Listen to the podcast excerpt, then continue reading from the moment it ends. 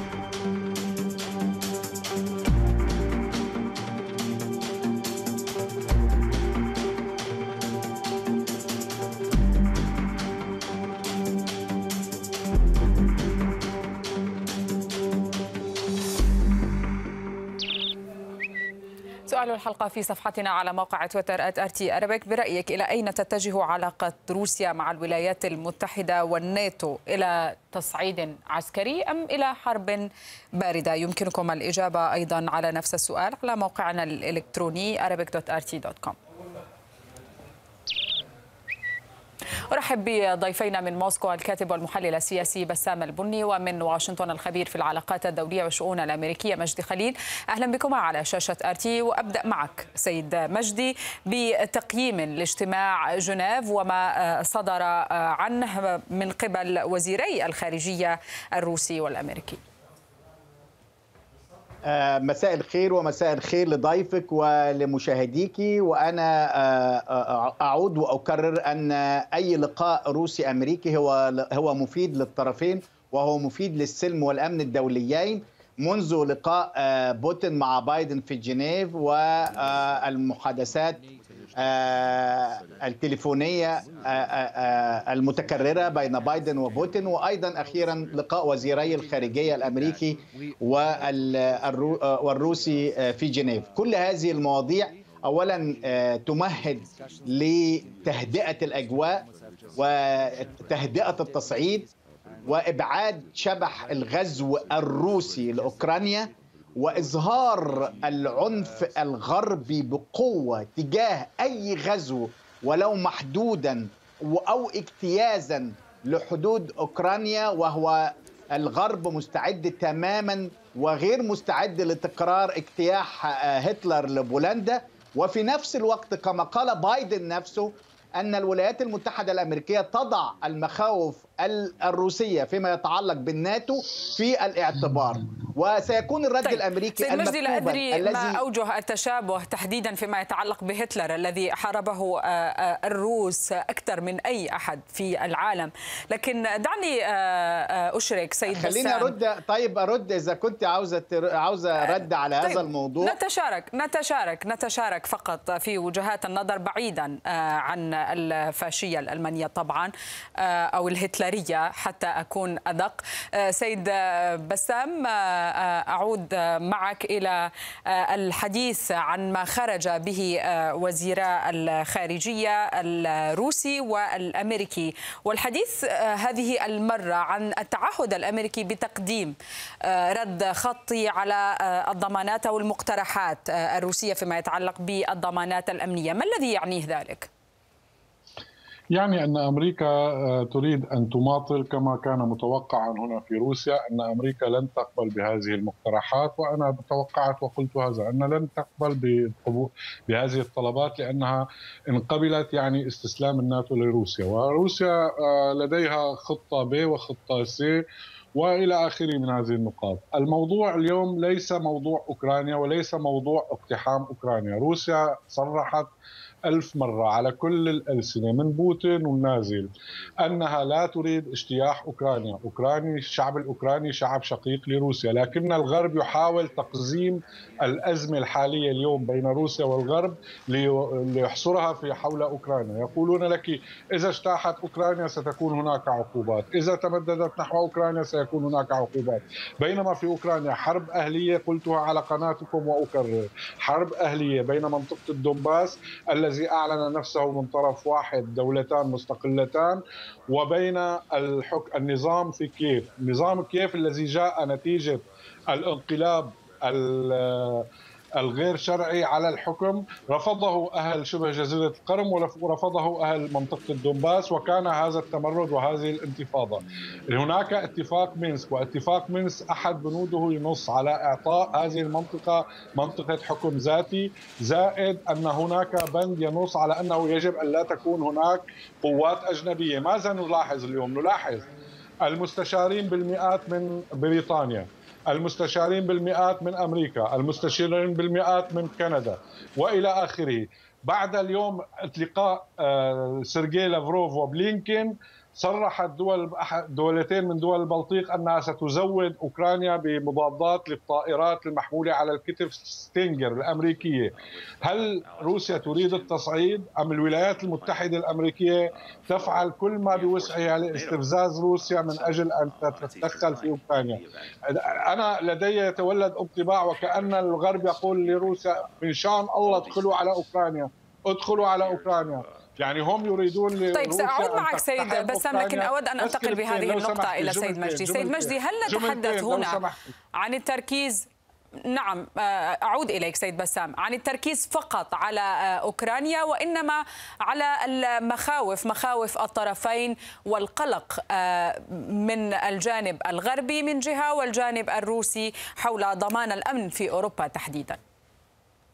لا الولايات المتحدة الأمريكية تركز على الناحيتين حاليا تركز على الناحيتين وربما دبلوماسية الترهيب الروسية دبلوماسية الترهيب الروسية أتت أكلها وأتت نتائجها بأن الغرب بدأ ينتبه بشكل آه، واضح إلى المخاوف الروسية ويأخذها في الاعتبار. لكن المخاوف الغربية أكبر من ذلك بكثير.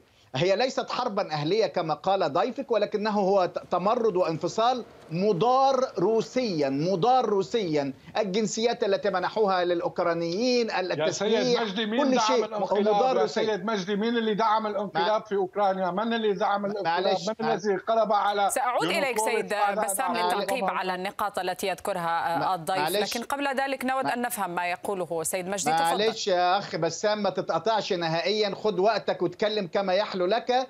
و... وأنا هرد آه، برضو أخد وقتي. ما تتكلمش وأنا بتكلم. آه، المشكلة الغربية هي الخوف من الإرث السوفيتي اللي هو اللي هو حاليا بوتين بيتصور إن ال legacy بتاعته اللي هيسيبها هو إعادة الإرث السوفيتي. إيه هو الإرث السوفيتي؟ الإرث السوفيتي هو القمع في الداخل والعدوان في الخارج. هو ده الإرث السوفيتي اللي بيتباهى به بوتين والذي يريد أن يعيده. أيضا بوتين وهذه أيضا مخاوف الغرب هو بوتين والصين يعلمان إنهما لم يكونا لم يكونا جزءا من النظام العالمي التي تأسس بعد الحرب العالمية الثانية وأنه نظام غربي بقيادة أمريكية. هم يعملان على تقويض النظام الدولي الموروث منذ 1945 والولايات المتحدة الأمريكية تدرك ذلك جيدا وتريد منعه. هو يريد الفوضى وإذا اجتاح أوكرانيا معناها سقوط النظام الدولي وإذا اجتاحت الصين تايوان معناها انهيار تماما للنظام الدولي.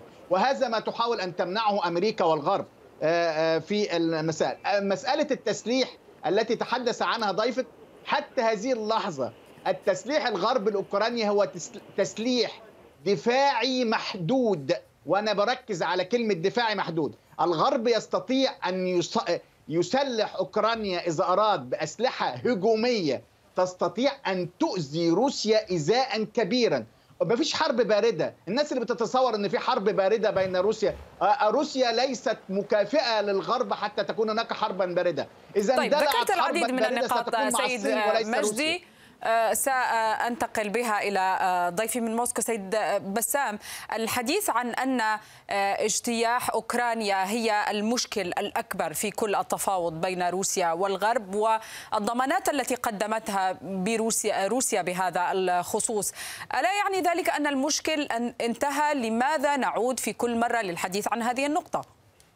لأنهم لا يريدون أن يتكلموا عن النقاط الأساسية، روسيا تطالب الغرب وأمريكا والناتو بالخروج من رومانيا وبلغاريا، تطالبهم بفكفكة القواعد العسكرية الموجودة في دول البلطيق وبولندا، تطالبهم بعدم إجراء مناورات عسكرية دون إنذار في البحر الأسود، تطالبهم بإنهاء وجود نفوذ لهم في وسط آسيا، هذه هي المطالب الروسية التي وضعتها على الطاولة وأعطتهم 30 يوما للتفكير. ولم يعني يعني كان هذا على على شكل تحذير رغم أن القيادة الروسية تقول أن هذه اقتراحات روسية ولكنها على شكل تحذير. أضيف إلى ذلك أنها طيب قالت في نهاية هذه الورقة في استجابة إذا لم يلتزم الغرب. لو سمحتي لي لو نعم سمحتي سيد بسام إليك السؤال إليك السؤال. تفضل. تفضلي شو سألتي؟ ما سمعتك. سألت على ماذا تعول موسكو باستجابة أو احتمال الاستجابه من قبل الغرب على هذه المطالب. أو المقترحات موسكو. موسكو تعول على على حقها في ضمن أم... ضمان أمنها وروس. وموسكو تعول على أن مقترحاتها تضمن ليس امنها وحدها تضمن أمن الأوروبي تضمن أمن الناتو يعني روسيا تريد أن يكون هناك منطقة عازلة بين الطرفين صح التعبير لتجنب أي اشتباك قد يحدث مستقبلا روسيا لا تخشى لا أمريكا ولا غيرها يعني روسيا اليوم قادرة للدفاع عن نفسها ولكن دفاعها عن نفسها قد يؤدي إلى حرب في أوروبا لأن القوات الناتو موجودة في أوروبا تريد الأمن لأوروبا لذلك تنزل عن يعني بكير تنزلهم بشكل مبكر أن عليكم التراجع إلى عام 1997 لأنه طفح الكيل طفح الكيل هم يريدون تقزيم الأزمة ويحولونها إلى أوكرانيا نعم. يا أختي الكريمة من جاء إلى حدود من؟ بعدين عم يقولوا لك روسيا قال لك حول القيم السوفيتية إنه الترهيب في الداخل واعتداء في الخارج. اليوم في روسيا ديمقراطية أكثر من واشنطن نفسها. ماذا فعلوا في انصار ترامب الذين دخلوا إلى الكابيتوليا؟ لقد وازوهم بمن قاموا بالاعتداءات الإرهابية ب 11 سبتمبر. ماذا فعل؟ هل أوكرانيا ديمقراطية اليوم؟ النازيون الجدد يجوبون الشوارع يحملون المشاعل ويقول لك أوكرانيا ديمقراطية وندافع عن القيم الديمقراطية. اليوم في في في في أوكرانيا نظام حكم نازي يمشي بالمشاعل في شوارع كييف ولا أحد يرده يغضون النظر. ألمانيا تغض النظر. وضحت الفكرة. القارة الأوروبية ك دعني يعني أتوقف عندما ذكرته حول النقطة الرئيسية التي تركز عليها موسكو في المقترحات في مقترحاتها. أنتقل إليك سيد مجدي بهذا السؤال تحديدا فيما يتعلق بتسليح رومانيا وبلغاريا بلينكن قال في وقت سابق أن الهدف الرئيسي أو المقترح الرئيسي لروسيا لم يكن واضحا. اليوم وضح لافروف بشكل كامل بعيدا عن الملف الأوكراني. برأيك إلى أي مدى يمكن أن تتجاوب الولايات المتحدة مع هذه المقترحات الروسية وعن أي خط كيف سيكون الرد الخطي برأيك من قبل واشنطن؟ في رأيي الشخصي أن الرد الخطي من الولايات المتحدة الأمريكية سيرفض هذه المطالب تماما فيما يتعلق بتقويض سيادة أوروبا الشرقية. ما تطالب به روسيا هو تقويض سيادة دول مستقلة تقويض سياسة أوروبا تقويض السيادة بتاعت أوروبا الشرقية. ده نمرة واحد. الحاجة الثانية فيما يتعلق باللي ممكن تستجيب له واشنطن وممكن يستجيب له الغرب. فيما يتعلق بالوعود التي آه، قالها جورج دبليو بوش لجورجيا وأوكرانيا بالانضمام إلى الناتو ممكن أن تكون الرد هو تعليق انضمام آه، آه، جورجيا وأوكرانيا إلى الناتو لسبب أن أصلا دخولهم إلى الناتو لا يتفق مع قانون الناتو حاليا اتفاقية الناتو لأن الناتو لا يقبل دول فيها أجزاء محتلة لأن الناتو لا يريد أن يدخل في صراع مع محتليها. وبالتالي لا ينطبق عليهم شرط الدخول إلى الناتو لأنهم آه، آه، أوكرانيا وجورجيا كلاهما يقولان أن هناك أجزاء من أراضيهم محتلة. وبالتالي لا, ينطبق لا تنطبق عليهم شروط الدخول إلى الناتو. هذا ممكن أن تستجيب له الولايات المتحدة الأمريكية وتقول نحن نظرنا في مخاوف آه، روسيا فيما يتعلق بتعليق عضوية أوكرانيا وجورجيا إلى الناتو لأن لا لا تتوافق مع اتفاقية الناتو حاليا. هذا أما أن تريد آه، روسيا آه، آه، نزع الهيمنة عودة الهيمنة على أوروبا الشرقية ونزع سيادة دول مستقله فيما يتعلق بتسليحها، فيما يتعلق بجيوشها، فيما يتعلق بتحركاتها، فيما يتعلق بمناوراتها، فيما يتعلق بكل هذا ده معناها عودة الهيمنة السوفيتية والغرب يرفض هذا ولن يقبل. وقالوا نحن آه، بيان طيب لماذا آه، تتحكم؟ إذا الناتو أن لا نقبل المتحدة هذا. سيد مجدي في تسليح دول مقابلة لها مثل كوبا وغيرها. يعني آه، إذا كانت روسيا تريد تسليحا تقليديا لكوبا فلتفعل. أما إذا نقلت أسلحة نووية فهذا هناك حرب دولية. يبقى حرب على الولايات المتحدة الأمريكية لأن كوبا غير مؤهلة لأسلحة نووية. لازم تلاحظي. الولايات المتحدة الأمريكية تركت روسيا تعبث في فنزويلا وهذا الخراب اللي بيحصل في فنزويلا. ولكن أن تصل إلى مرحلة تحدي الولايات المتحدة الأمريكية روسيا ليست في وضع أن تتحدى الولايات المتحدة الأمريكية والغرب. طيب سيد بسام أعود معك إلى ما قاله بلينكن حول استعداد الولايات المتحدة الأمريكية لكلا آه، السيناريوهين وتحدث هنا عن الدبلوماسية من جهة وما وصفه بالنزاع. ماذا في الجهة المقابلة؟ ماذا بالنسبة لموسكو؟ ما مدى استعدادها آه، لأي سيناريو في حال رفض هذه المقترحات التي قدمتها؟ سأجيبك على سؤالك فورا بعد أن أعقب على السيد بجدي عندما قال أن روسيا تريد أن تقوض سيادة الدول. من يقوض سيادة الدول هي الولايات المتحدة الأمريكية وهي اتخذت القارة الأوروبية كرهينة لسياساتها. يرفعون سعر الغاز من أجل أن يصدروا الغاز المسال الأمريكي إلى آه، أوروبا ويحاربوا روسيا اقتصاديا. هذه نقطة. ولا ويطلقون العقوبات على روسيا دون أن يستشيروا الأوروبيين وعلى الأوروبيين التنفيذ. فمن يقوض تقوت سيادة الدول. هذه نقطة. أما حول سؤالك عن الخيارات المطروحة لدى روسيا خيارات مطروحة كثيرة وأنا باعتقادي الشخصي وأنا رأيي الشخصي أستطيع أن أقوله مهما كان حادا. روسيا إذا لم تستجب الولايات المتحدة الأمريكية إلى المقترحات التي قدمتها روسيا لديها عدة خيارات. اولا ممكن أن تتعامل بدعم كوريا التي تعادي أمريكا، ممكن أن تدعم إيران في معاداتها لأمريكا، ممكن أن تنشر قوات عسكرية في أوروبا اللاتينية مثل نيكاراغوا وفنزويلا وقد تم الاتصال بين بوتين وزعماء هذه الدول.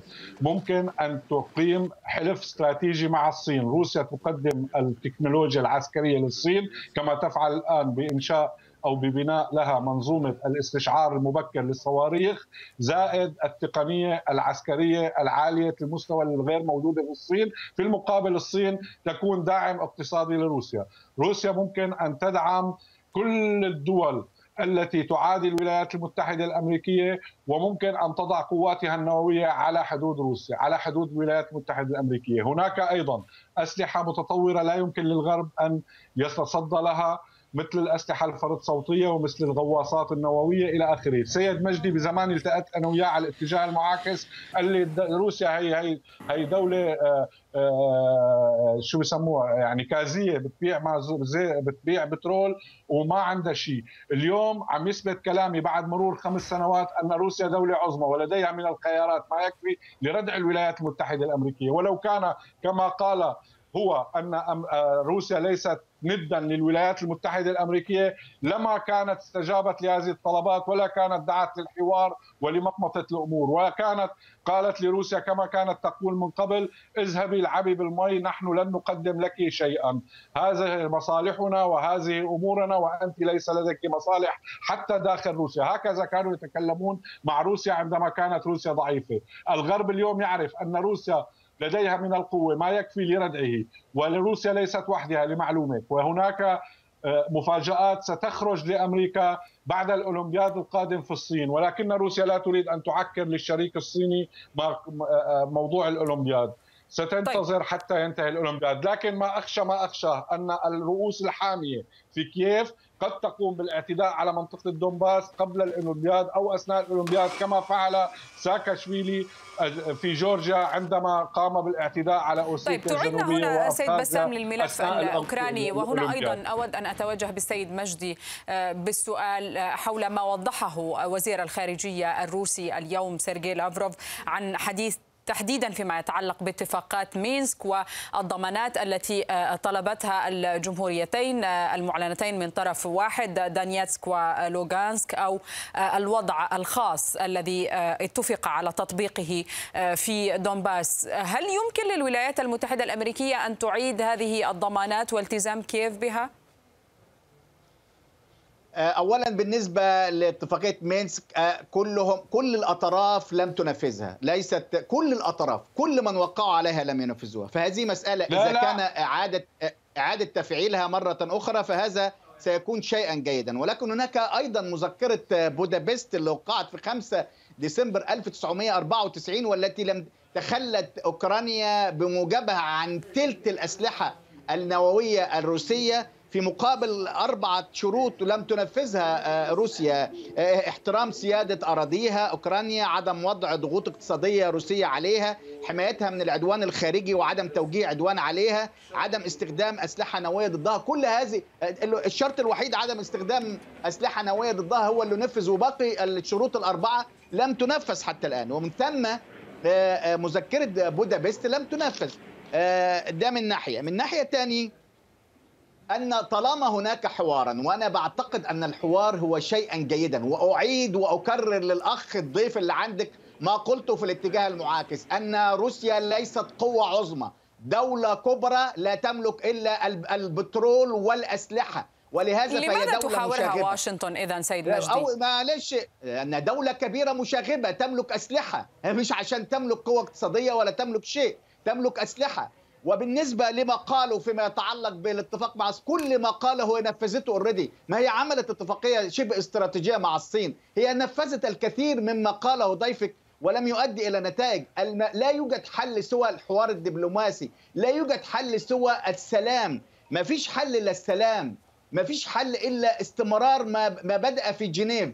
آآ آآ الإدارة الأمريكية الحالية تريد فتحا حوارا حوارا بناء يخفض التصعيد مع روسيا ويؤمن السلام في أوروبا. والأوروبيين يتفقون مع أمريكا في هذا يتفقون في مجمل الرؤية وعكس ما قاله صديقي يتفقون في مجمل الرؤية. بل أن الاوروبيين الأوروبيين هم الذين يدفعون أمريكا للتشدد مع روسيا. وليس العكس عكس ما قاله ضيفك بالمرة. الولايات المتحدة الأمريكية لا تريد مواجهة مع روسيا لأن لديها مواجهة مع الصين. لا تريد أن تكون روسيا طرفا خادما لاستراتيجية الصين العالمية. لا تريد أن تكون روسيا مهددا للسلم الدولي بالأسلحة. لا تريد هذا. وروسيا دفعت ثمنا اقتصاديا كبيرا بعد العقوبات الأمريكية. وممكن أن تدفع ثمنا أكثر آه، آه، ثقلا على المواطن الروسي إذا استمرت في مشاغبتها آه، ضد الولايات المتحدة الأمريكية والغرب. طيب سيد بسام هنا أريد أن أسأل عن عامل الزمن، إلى أي مدى يمكن أن تكون المفاوضات مفتوحة زمنيا أم أن هناك تحديد لعامل التوقيت؟ اولا روسيا قالت لن نسمح بالمماطلة ولن نسمح بتمييع الأمور وسنريد الجواب فورا وحالا. وهذا يعني يعني خلال أشهر. هذه نقطة، النقطة الأخرى ضيفك سيد مجدي لم يذكر أن أوكرانيا عند استقلالها وعندما تخلت عن الأسلحة النووية أيضا أضافت في دستورها نقطة مهمة وأنها دوله هي أنها دولة محايدة، يقول أنصار الغرب أنها بطلت تكون دولة محايدة لأن أوكرانيا لأن روسيا ضمت شبه جزيرة القرم. للمعلوم سيد مجدي أوكرانيا منذ عام 1995 وهي تميل نحو الغرب وتريد أن تنضم إلى الحلف الناتو وتريد أن تنضم إلى الاتحاد الأوروبي بكل هذه المدة وهي تتجه نحو الغرب. هذا يعني أنها أخلت بميثاقها الأول الذي تم في الاتفاق وأن أن تكون حيادية. أما عن موضوع الوقت صديقتي ليس هناك في الوقت متسع من أجل أن نكون هناك يعني محور دبلوماسي طويل المدى. روسيا تريد للغرب أن يجلس على طاولة المفاوضات ويقدم ضمانات أمنية اقترحتها روسيا تكون ملزمة قانونيا.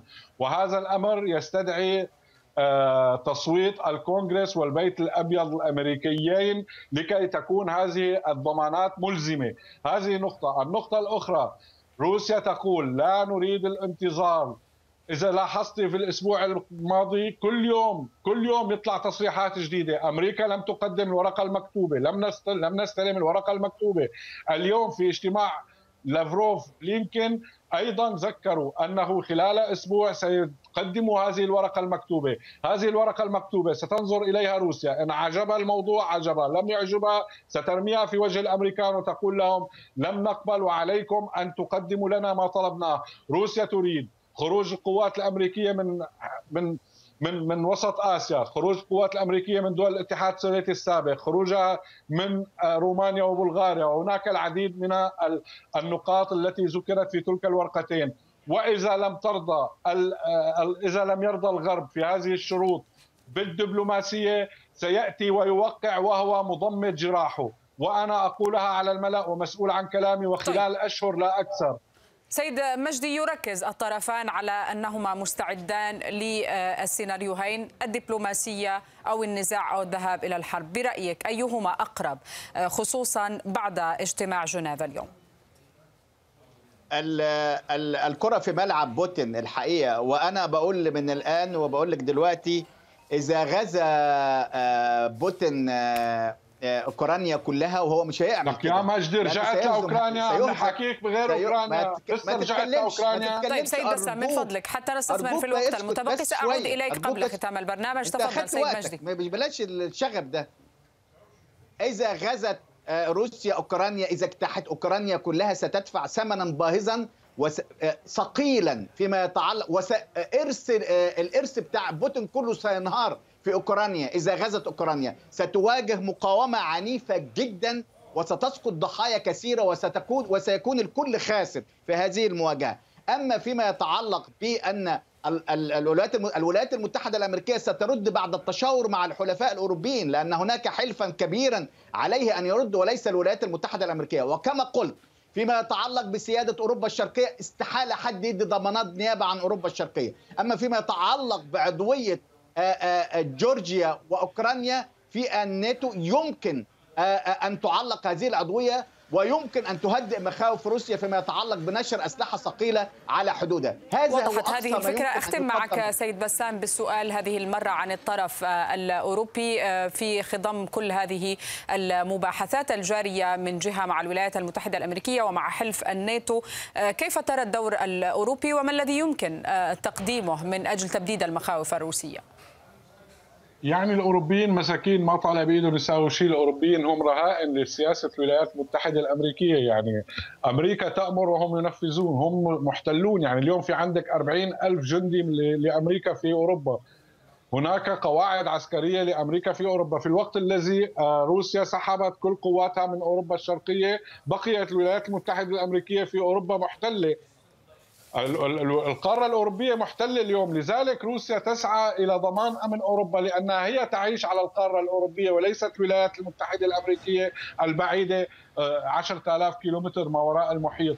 اليوم الولايات المتحدة الأمريكية لم يجرى على أراضيها أي حروب. إذا ما تم تهديدها بشكل مباشر لن تقبل لأنها ستضحي بكل أوروبا وتقول لك روسيا عدوانية روسيا عدوانية. يا عمي روسيا عدوانية بشو؟ أكتفي معكما بهذا وأدعوكما للاطلاع على نتائج التصويت على سؤال المطروح عبر منصاتنا الإلكترونية. برأيك إلى أين تتجه علاقة روسيا مع الولايات المتحدة والناتو الأغلبية بأزيد من 71% أجابوا بأنها تتجه إلى حرب باردة. أشكركما جزيل الشكر. ضيفينا من موسكو الكاتب والمحلل السياسي بسام البني ومن واشنطن الخبير في العلاقات الدولية والشؤون الأمريكية مجدي خليل شكرا لكما. الشكر موصول إليكم أيضا مشاهدينا إلى اللقاء.